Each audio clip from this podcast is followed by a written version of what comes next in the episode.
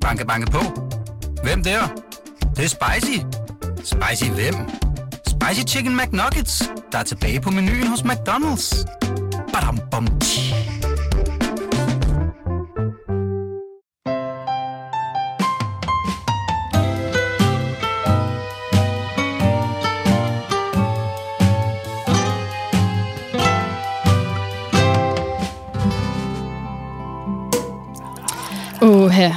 Tænk sig at eje et smukt sommerhus, der både kan danne rammerne om idylliske ferier og forgylde pengepungen, når man ikke bruger det.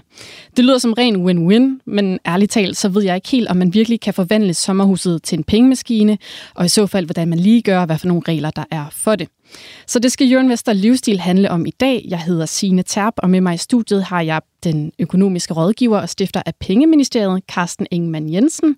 Og jeg har Jakob Kruse, der er regionschef i Novasol, som er et udlejningsbyrå for feriehuse. Velkommen til de her. Tak skal du have. Tak. Jeg vil gerne være så fræk og spørge, har I selv sådan helt personligt et sommerhus? Og vi ligger ud med dig, Carsten. Jeg har ikke et sommerhus, og det er fordi, at jeg har mere end rigeligt i min egen græsplæne.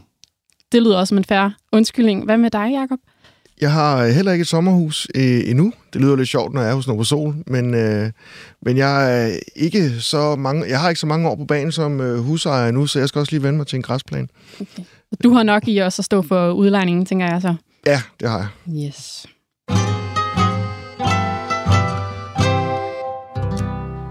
Og så kan vi godt gå lige til sagen. Og Carsten Ingemann Jensen, jeg kigger over på dig. Du er den øh, økonomiske rådgiver. Altså, giver det mening at eje et sommerhus for at tjene penge på det? Altså, det giver, det giver mening at investere i et sommerhus med henblik på ens livskvalitet, hvis det er det, man har brug for. Men hvis man prøver at optimere sin samlede økonomi, så kan det i mange tilfælde være en dårlig idé at købe et sommerhus. Så er det bedre, at man øh, investerer sine frie midler på en anden og mere lukrativ måde, set på den lange bane. Og hvorfor hænger det sådan sammen? Jamen, det hænger sådan sammen, at øh, hvis vi ser tilbage fra sidst øh, øh ejendomspriserne øh, toppede i 2006, og så frem til i dag, så er almindelige boliger, de er steget med omkring øh, 30 procent, sommerhuse er steget med 15 procent. Ejerlejligheder, de er steget noget mere, nemlig med 50 procent. Men hvis vi så sammenligner med, hvor meget for eksempel aktier er steget, så er de steget 250 procent. Det vil sige, det er steget fem gange mere end, øh, end, end ejerlejligheder, og de er sådan set også steget over 10 gange mere end sommerhuse. Og så er det jo ikke svært at regne ud, at hvis man virkelig bare gerne vil have optimeret sin formue frem mod pension, så er det nok bedre at supplere sin pensionsopsparing og sin boligøkonomi med aktier. Okay. Ja vel. Hvad er så risikoen altså ved at have et sommerhus i forhold til aktier? Jamen, hvis vi ser tilbage på historien, så er det jo sådan, så når vi får en afmatning på aktierne, de kan stige og falde, og så kan vi blive meget chokeret, men nogle gange så er de ude af starthullerne igen nogle få uger senere. Men når først en bolig nedtur rammer vores økonomi, sådan som det skete netop i 2006-7 stykker, hmm. så faldt boligpriserne med omkring 25 procent, og sommerhuse visse steder faldt faktisk mere. Hvis man så ser på, hvornår boligmarkedet kom ud ligesom af suppedasen igen, så gik der omkring fem år før, at det almindelige boligmarked sådan begyndte at stige igen, men sommerhusmarkedet, de trak den så yderligere et par år. Det vil sige, det var rigtig, rigtig surt at være sommerhusejer fra 2007 og frem til 2015 faktisk, fordi at, bolig, øh, at, at, at priserne de bare ikke rigtig ville stige igen. Okay. Og nu var du lidt inde på det her med, at, øh, at aktierne er, er steget langt mere end sommerhusene, men man siger jo det her med, at en aktie sådan sædvanligvis giver cirka 7% afkast om året. Hvad, hvad er det tal for sommerhusene? Jamen det er så jo ikke andet end, øh, det er jo så det der mellem 1 og 2% i virkeligheden, når vi, øh, når vi ser på i de, i de dårligere regioner, men så er der også nogle regioner, der er også det der med, at hvis du ser over de seneste 30 år, så er så er sommerhus nogle steder, de steder faktisk 5, 500 procent, så det er jo ganske voldsomt. Det er jo mere end aktierne. Nej, det er det ikke. Det, det er det, det så ikke. stadigvæk ikke. Oh. men, øh, men, men så er der andre steder, hvor de kun er steget med 200 procent. Okay. Så, så, så man skal være meget på passe med, når man kigger på sommerhus, at det er et broget marked. Risikoen er stor af en anden årsag også. Det er det, det, hu, det sommerhus, du forelsker dig i, som du tænker, det her, det skal jeg simpelthen have, det vil jeg gerne øh, give rigtig mange penge for. Så kan du tænke på, er det kun dig, der synes, det er et fedt sommerhus? Fordi du skal jo også sælge det her igen. Mm. Så det nytter ikke noget, at du køber et sommerhus, du har forelsket dig i, men der er ikke nogen andre, der er forelsket i det, så er det ikke nødvendigvis nogen, der vil give den samme pris, som du har givet. Og der er det altså mere sikkert, et sommerhus, det bliver handlet om sådan om cirka hver syvende år eller noget, måske øh, i endnu længere tid. Men aktier, de bliver jo handlet mange, mange gange, hver eneste minut, hver eneste dag. Så prisfastsættelsen på en aktie er sådan set meget, meget mere sikker, end den er på et sommerhus. Og også fordi, når du skal sælge dit sommerhus, så det sommerhus, du har, haft, du har valgt at købe, det kan ligge på en måde, så det ikke er attraktivt øh, at, at, at køre til, eller det kan ligge sådan, så det ikke er attraktivt at vedligeholde, mindst nabohuset faktisk, det er langt mere attraktivt. Så der kan være meget, meget store prisforskelle og meget, meget store øh, forskelle i, øh, i stigningspotentialet. Så det er, uanset hvordan man ser det, så skal man købe et sommerhus ud for livskvalitet, og man skal regne med, at det måske kan give et afkast, men man skal ikke være sikker. Okay, den er, den er modtaget. Nu siger du det her med, Carsten, at der er nogle steder, hvor de stiger mere end andre. Og så tænker jeg bare, hvad er det så for nogle sommerhus, man skal gå efter? Jamen, så er det jo, øh, det er jo de der, det kommer du så også ind på øh, senere, fordi at, øh, det kan I jo se i jeres tal, men det er jo, det er jo de attraktive boliger, og, og sådan vil det altid være. Hvis du skal se på din formue igennem en lang periode, så skal du ikke være nærig, når du går ud og køber dit første hus eller dit første sommerhus. Så skal du, så skal du tillade dig at sætte dig i lidt højere gæld, så du kan få din bolig i et sted, der er attraktivt. Fordi det er også det, der historisk set kommer til at stige mest. Så, så, så find nogle af de der gode steder, der er relativt dyre. Det er oppe på nordkysten, det er nede på nogle, et, visse dele af Faster, øh, og op i nærheden af, Ja, det ved du også mere. Blokhus, ja, ja, Blokhus og Vestkysten. Og ja. også, vi, vi kan lege ud alle steder, men uh, ja. Bornholm er også et, ja. et attraktivt sted. Uh, og det er også der, vi ser lidt, lidt nogle, nogle priser, der er lidt højere på, på husene. Ja. Ja. Og det er også der, vores, uh, vores udlejningspriser er, er klart højst. Okay, men skal man så gå efter, øh, skal det være nyrenoveret? Skal der være et x antal værelser? Er der noget, man skal være opmærksom på, hvis man gerne vil udleje det i hvert fald? Der er masser af ting, og det kommer jo lidt an på, lidt, lidt faktisk tilbage til Carsten siger omkring øh, den her livskvalitet. Øh, hvorfor har man købt øh, det her sommerhus? Øh, er det med som henblik på en, en investering til sin, øh, sin pension? Jamen, så er der en masse ting, man skal være opmærksom på, men, men så er der jo egentlig det, der genererer noget omsætning på det, jamen det er jo størrelsen, det er, øh, hvor mange mennesker man kan putte ind i det. Øh, hvad er der af faciliteter? Øh, det kan være spagbad, det kan være saunaer, swimmingpools. Øh, men den anden del af det også, er jo også, hvor nyt det er, eller hvor renoveret det er, fordi der er jo også nogle omkostninger mm. ligehold. Et traditionelt sommerhus, som, som man bruger i sin egen ferie og nogle weekender, øh, det gør man også med, med det, man nu har købt som investering til sit, uh, sin, sin pension. Men der er jo mere slitage, jo flere folk der er igennem.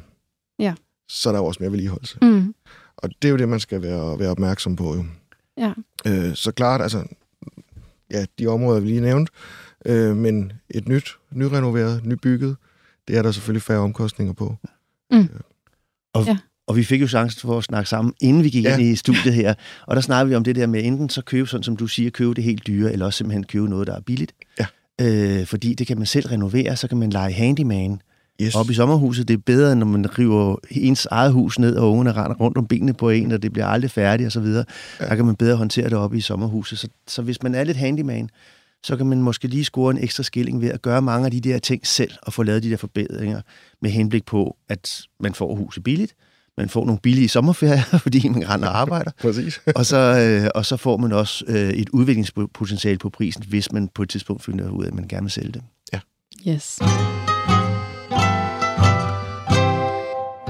Og Jakob, nu kigger jeg over på dig, fordi inden vi gik i studiet, der havde du et fint øh, papir med, som kunne vise, hvor meget man sådan i gennemsnit kan tjene på at udleje sit sommerhus. Og hvordan er det, det lyder? Ja, altså der er jo øh, igen, nu skal man på, det er jo gennemsnit af alle vores øh, 10.000 øh, sommerhuse her i Danmark. Men, men det vi, øh, vi kan se i, øh, i vores øh, 2022-tal, det er, at at vi har et, øh, et, et gennemsnit på, øh, på mellem 69.000 for ja, det er et gennemsnit af alle vores hus, men, men hvor mm. der er begrænset i forhold til øh, med, øh, med de her produkter, vi kan sætte på sommerhuset for at optimere. Den anden del, hvor vi optimerer på prisen hele tiden, øh, der ligger gennemsnitsindtjening hos en husejer på 90.000. 90.000 kroner om året på ja. at, at udleje sit sommerhus? Ja. Okay, og hvor meget betaler man så i skat af den indtægt? Ja, det, altså det rigtige svar er, det skal du snakke med skat om. Ja, okay. Fordi det er noget med rådgivning og så videre. Ikke? Men, men de første, her i 2023, er de første 44.500, de er jo, jo skattefri. Okay, Så det betaler du ikke noget for. okay. Øh, så er der et, øh, et yderligere fradrag på, på 40 procent, og derefter så begynder du så at betale øh, skat. Så Så jeg betaler skat af 60 procent af det, der ligger over de der 44 ja, det er skarpt. Det er skarpt. eller et eller andet. Okay. Uh, ja, ja. Hold op. Ja. Okay. Og hvad så, hvis... Øh, fordi jeg kunne jo læse mig lidt til, at man faktisk ikke kun må udleje sit sommerhus. Altså, man skal også bruge det privat, ellers så kræver det en tilladelse. Har jeg forstået det rigtigt? Ja, ja, altså du må gerne lege dit øh, sommerhus øh, fuldt ud, så er det bare ikke gennem et, øh, et bureau som, øh, som Novasol, øh, fordi vi, vi formidler egentlig udlejning for private til, til gæster, og det vil sige, det er jo som supplement til, til dit eget brug. Mm. Øhm, hvis, du, øh, hvis du vil køre det som en øh, ren investering øh, og, og udleje det samtlige 52 uger, øh, så skal du ind og have en erhvervsmæssig udlejningstilladelse. Og så, øh, så skal du til at svare om sådan noget omsætning. Okay, så bliver det et meget kompliceret regnestykke lige pludselig. Ja, og der, der er det så det, det der, der kan jeg ikke være med på. Nej. Okay, men hvis man så udlejer det gennem jer, så ved jeg også, altså, og det er sådan de helt grundlæggende regler, øhm, når man ikke har den der erhvervsmæssige tilladelse, det er også noget med, at man må ikke bare udleje det hele året rundt. Nej, øh, det, der er rigtig mange øh, regler omkring det, netop fordi det er som supplement til dit eget brug. Ja. Øh, så på et, øh, et år må du øh, lege det ude i øh, 42, 43 uger. Øh, de ni af ugerne ligger i vinterhalvåret, eller må maks ligge i vinterhalvåret, og det er fra 1. november til 1. marts. Okay. Så det vil sige fra 1. marts til 1. november, der må du så udleje det i 32 uger. Okay. Yes. Hold op. Så der er lidt, men alt det der, det er jo det, som vi så hjælper med at holde øje med øh, og styre via vores, øh, vores portal, øh, website, så man ikke kommer til at, at lege for meget ud. Og nu er det mega frækt at spørge mig, men nu vender jeg lige blikket over til dig, Carsten, økonomisk rådgiver. Altså, er det sådan økonomisk mest fordelagtigt at lade sådan nogen som øh, Novasol stå for udlejningen, eller skal man måske selv i gang, eller hvad for nogle baner tænker du er mest gavnlige? Så det kommer meget an på, hvad man betaler for den ydelse. Men meget ofte, så kan øh, den form for service, hvis ikke de tager for stor del af kagen, så kan det være det, der sætter ligesom øh, omsætningen på skinner. Mm. Og så kan det godt betale sig at have en lidt højere omsætning, men så til gengæld også betale lidt for at få den der højere omsætning. Så det må man gøre op med sig selv. Men man får jo et højere fradrag, hvis man gør det igennem et udlejningsbureau. Øh, så får man faktisk øh, fire gange højere fradrag, end hvis man ikke gør det, altså hvis man gør det privat. Okay, Men man det må skal- du lige udpensle, Carsten. Ja, men Så det, hvis jeg fordi- gør det privat, så skal jeg betale skat langt Ja. inden jeg rammer de der 44. Ja, de der satser, de, de flytter sig hele tiden. Så jeg kan ikke lige huske de enkelte Nej. satser, men det kan du nok hjælpe med. Men, men det er så noget med øh, 14.000 og 45.000, sådan cirka. Ja. Øh, så, så omkring 14.000 har du i fradrag på din indtægt, hvis du ikke gør det igennem et bureau, og så har du faktisk 45.000 cirka i fradrag, hvis du gør det igennem et bureau. Mm. Men når du så nu ser på det her med fradraget og hvad udlejningen er, så bliver vi jo tit fascineret af, lad os forestille os, at vi har et sommerhus til 1 million kroner, Ja. og det leger vi ud for 50.000 kroner om året. Det er et afkast på 5% Vi skal kun betale 10% i skat af vores, af, af vores afkast. Så det lyder jo faktisk meget godt, at vi kan lege ud for 50% vi betaler kun 10% i skat af de, øh, de 50.000 Ja, for det er kun den del, der overstiger de der Ja, 44. Ja. Lige præcis. Men udover det, så skal vi jo så betale, altså når, når vi stiger, så, så konvergerer vi jo op imod B-skatteraten, så det bliver jo betydeligt højere, jo mere vores indtægt er. Mm. Altså skattesatsen bliver højere, jo mere det er. Men hvis vi nu samtidig så ser på, at det er et sommerhus til 1 million kroner. Jeg ved ikke, hvor mange sommerhus vi kan finde til en million. Men de koster nok nærmere 2 millioner kroner. Så er vi nede på et afkast på 2,5 procent før skat. Og det er jo ikke attraktivt i forhold til, hvad gennemsnitlig afkast er andre steder. Så den her lovgivning, den er til for egentlig at mobilisere bo, øh, sommerhusmarkedet, sådan så flere får glæde af det, af, af de her, alle de her skønne sommerhus, der ligger alle de der attraktive øh, øh, steder. Og det er jo sådan set en god lovgivning i forhold til, når vi kører forbi den der løsbådehavn med alle de der fine sejlskibe. Det er jo simpelthen bare uudnyttet kapital, fordi at øh, de der familier, der ejer den, de glemmer tit at tage ned i weekenden, og når året er om, så tænker de, det var egentlig ikke meget, at vi får brugt den her sejlbåd. Så nogle ganske få, der har glædet af dem der, og ellers står løsbåde, de står bare i havnen til, til skue for dem, der besøger havnen, men egentlig ikke til nogen anvendelse. Så er det godt, at vi har en lovgivning, der mobiliserer det her sommerhusmarked, så flere får glæde af det og kan komme ud på landet. Mm.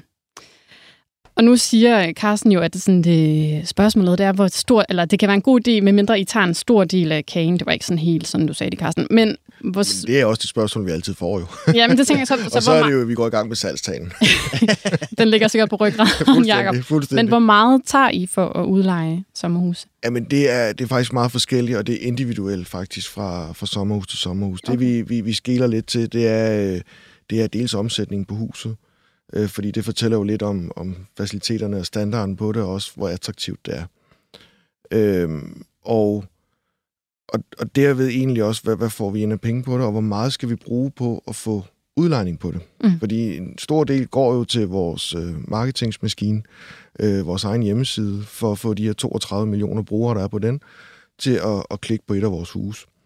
Øh, så det går der rigtig mange penge på. Og så er det jo netop, vi gør en del for, at at man ikke skal stå med det selv. Ja. Så der bliver brugt til indberetning af skat og styring af alt økonomien og styring af service og nøgler og rengøring. Så, så det ligger jo forskelligt, alt fra 20% til, til 35% Okay. Det, det er sådan, altså, og det afhænger lidt af huset. Hvad tænker du, når du hører den sats? Jamen altså, det, det lyder jo meget voldsomt, men mm. hvis du nu sammenligner med for eksempel, når du investerer dine penge igennem en bank, så tager banken 2% af din opsparing. Men der kommer du meget hurtigt af med 25 procent af din formue, fordi banken tager hvert år 2 procent af det her. Ja. Så hvis du laver en aftale med et udlejningsbureau, hvor du betaler 20 procent af indkomsten, så ved du trods alt, hvor meget det er. Det er ikke noget, der stiger eksponentielt med formuen. Så faktisk så er det igen sådan en illusion nogle gange. Det kan være godt at betale 20 procent af ens omsætning, men det kan være meget skadeligt at betale 2 procent af ens investering igennem en bank, fordi det bliver rigtig mange penge på meget kort tid. Så de to 20 procent på en omsætning, det lyder ikke skræmmende, men de 2 procent på en formue, det er det, jeg altid synes er meget skræmmende. Okay. Og nu siger du det her, Jacob, med, at det afhænger af, hvor sommerhusene ligger, og det afhænger af alle mulige ting, men kan man sådan som tommelfingerregel sige, at de mest attraktive øh, huse, det er dem, hvor det koster, hvor I tager den mindste bid af kagen, eller hvad? Ja. Okay, så det er simpelthen sådan, det hænger sammen? Ja. Yes.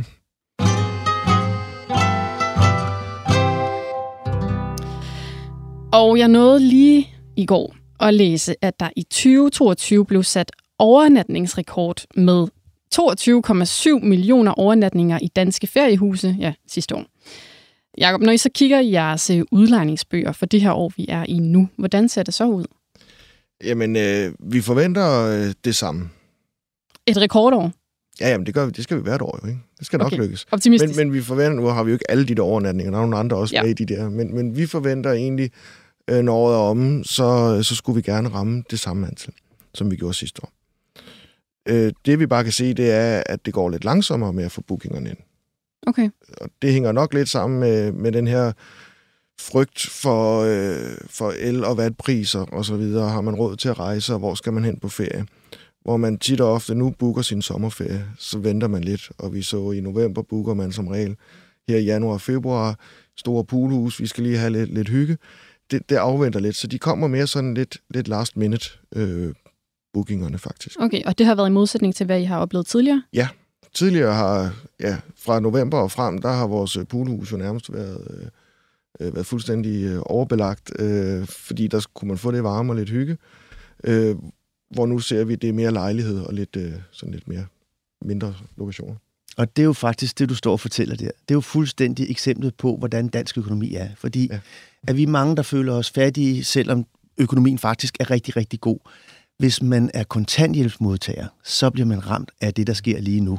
Men har man en anden form for formue, så, bliver man altså, så skal man nok køre videre nogenlunde. Og så synes jeg, det er så sjovt, at du nævner det her med, at der er en nedgang i netop den type feriehus, fordi det hører til i det allerdyreste segment.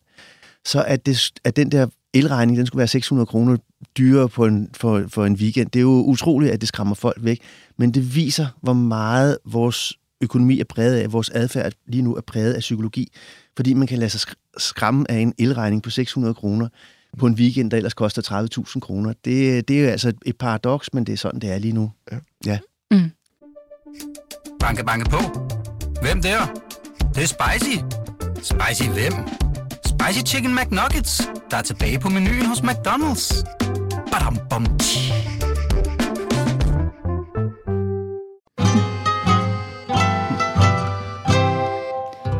Men Carsten, så bare lige prøv for, at vi lige vender tilbage til det, vi startede med at snakke om. Hvornår er det så, altså pensle det ud for mig, hvornår er det, det giver mening at købe et sommerhus?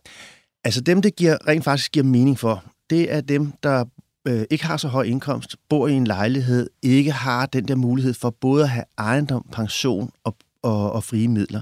Der vil det være en rigtig god idé for dem faktisk, at så køber de et sted, hvor de kan tage ud, deres ferier bliver billigere, de har noget, der stiger over tid, kan de håbe på, og de har glæde af det her. Det er noget, der kan forhøje deres livskvalitet.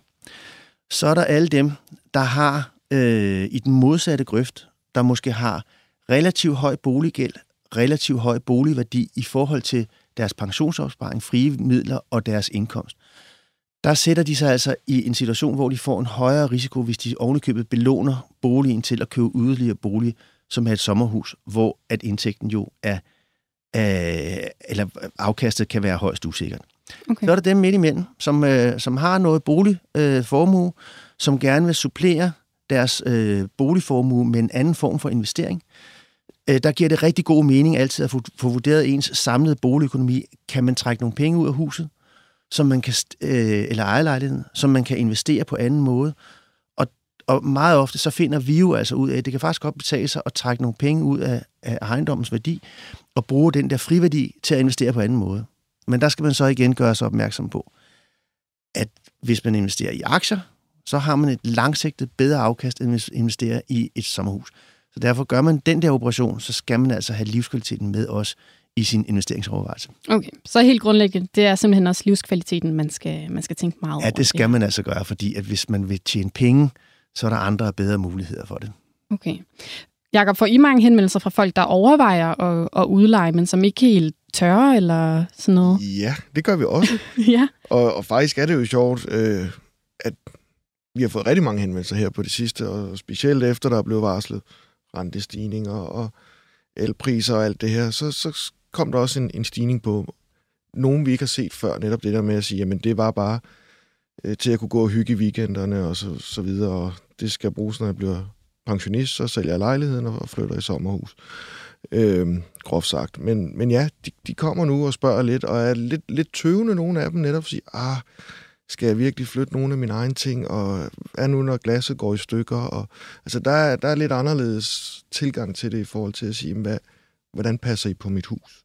Okay. Øhm, men det er folk, der henvender sig, fordi de ser en mulighed for at tjene nogle penge lige pludselig i en økonomisk øh, nedtur, eller hvad? Ja, eller den her med at sige, at jeg får, noget, jeg får noget, noget tilskud til at få styret omkostningerne på sommerhuset. Altså det, hvis der er optaget gæld, jamen det kan så betale noget banklån. Mm. Det kan være med til at hjælpe med at betale eller gasregningen øh, derhjemme, hvis, hvis det er det. Øh, og så kan det jo give det her ekstra et kapitalindskud til at kunne rejse til sommer. Okay. Øh, eller vedligeholde det, eller sige, jamen jeg skal også have et spagebad med sommerhus. Det kunne være super fedt. Mm. Okay, så sådan helt grundlæggende, så kan man sige, at hvis man udlejer det, så er det jeres indtryk, at hele sommerhusregnstykket i hvert fald går i nul, og der også er noget ekstra ja. ved siden af. Ja. Okay, ja, det lyder jo meget positivt. Ja, ikke? Ja, det gør, det gør det. Yes. Og her på falderæbet, Jacob, så vil jeg bare lige høre dig. Altså nu, øh, nu siger du det her med, at ordrebøgerne ikke helt er, er lige så fyldte, som de har været på samme tid sidste år. Betyder det noget for den øh, udlejningsindtægt, man som udlejer så kan forvente at, at få? Skruer I priserne ned? Nej, jamen altså, det, det gør vi i nogle perioder. Altså, vi har øh, traditionelt set en vinterferie, som man, mange tænker, uh, det alle skal på ferie. Men det er jo, det er jo som regel skiferie. Mm. Så det er ikke super attraktivt at lege et øh, delvist isoleret øh, sommerhus øh, ja, på en kold tid. Øh, så, så der kan priserne godt blive skruet lidt ned. Men vi ser så modsat, at når vi når hen i højsæsonen, jamen, så, så bliver de skruet op. Øh, og hen over et helt år, jamen, der, der, der er der egentlig plus øh, på den del. Okay. Øh. Men de her 90.000 kroner, du snakkede om tidligere, man kunne tjene på udlejningen, det er ikke fordi, de bliver skruet ned til det halve i år, øh, fordi det ser lidt værre ud? Nej, det, det, det, det tror jeg ikke på. Okay. Det tror jeg ikke på. Det er stadigvæk, om huset kan godt koste 10.000 i højsæson, og så 1.500 i, øh, ja, i næste uge. Øh, hvis det så er den 1.500, man ikke får, men får skruet lidt ekstra på de 10.000, så er det lidt sjovere. Ja. Og med de opløftende ord, der sætter vi et punktum i dagens udsendelse. Jeg vil gerne sige tusind tak, fordi du lagde vejen forbi studiet, Carsten Ingemann Jensen, og også tusind tak, fordi du lagde vejen forbi, Jakob Kruse, og tak til Daniel Lassen ude i teknikken.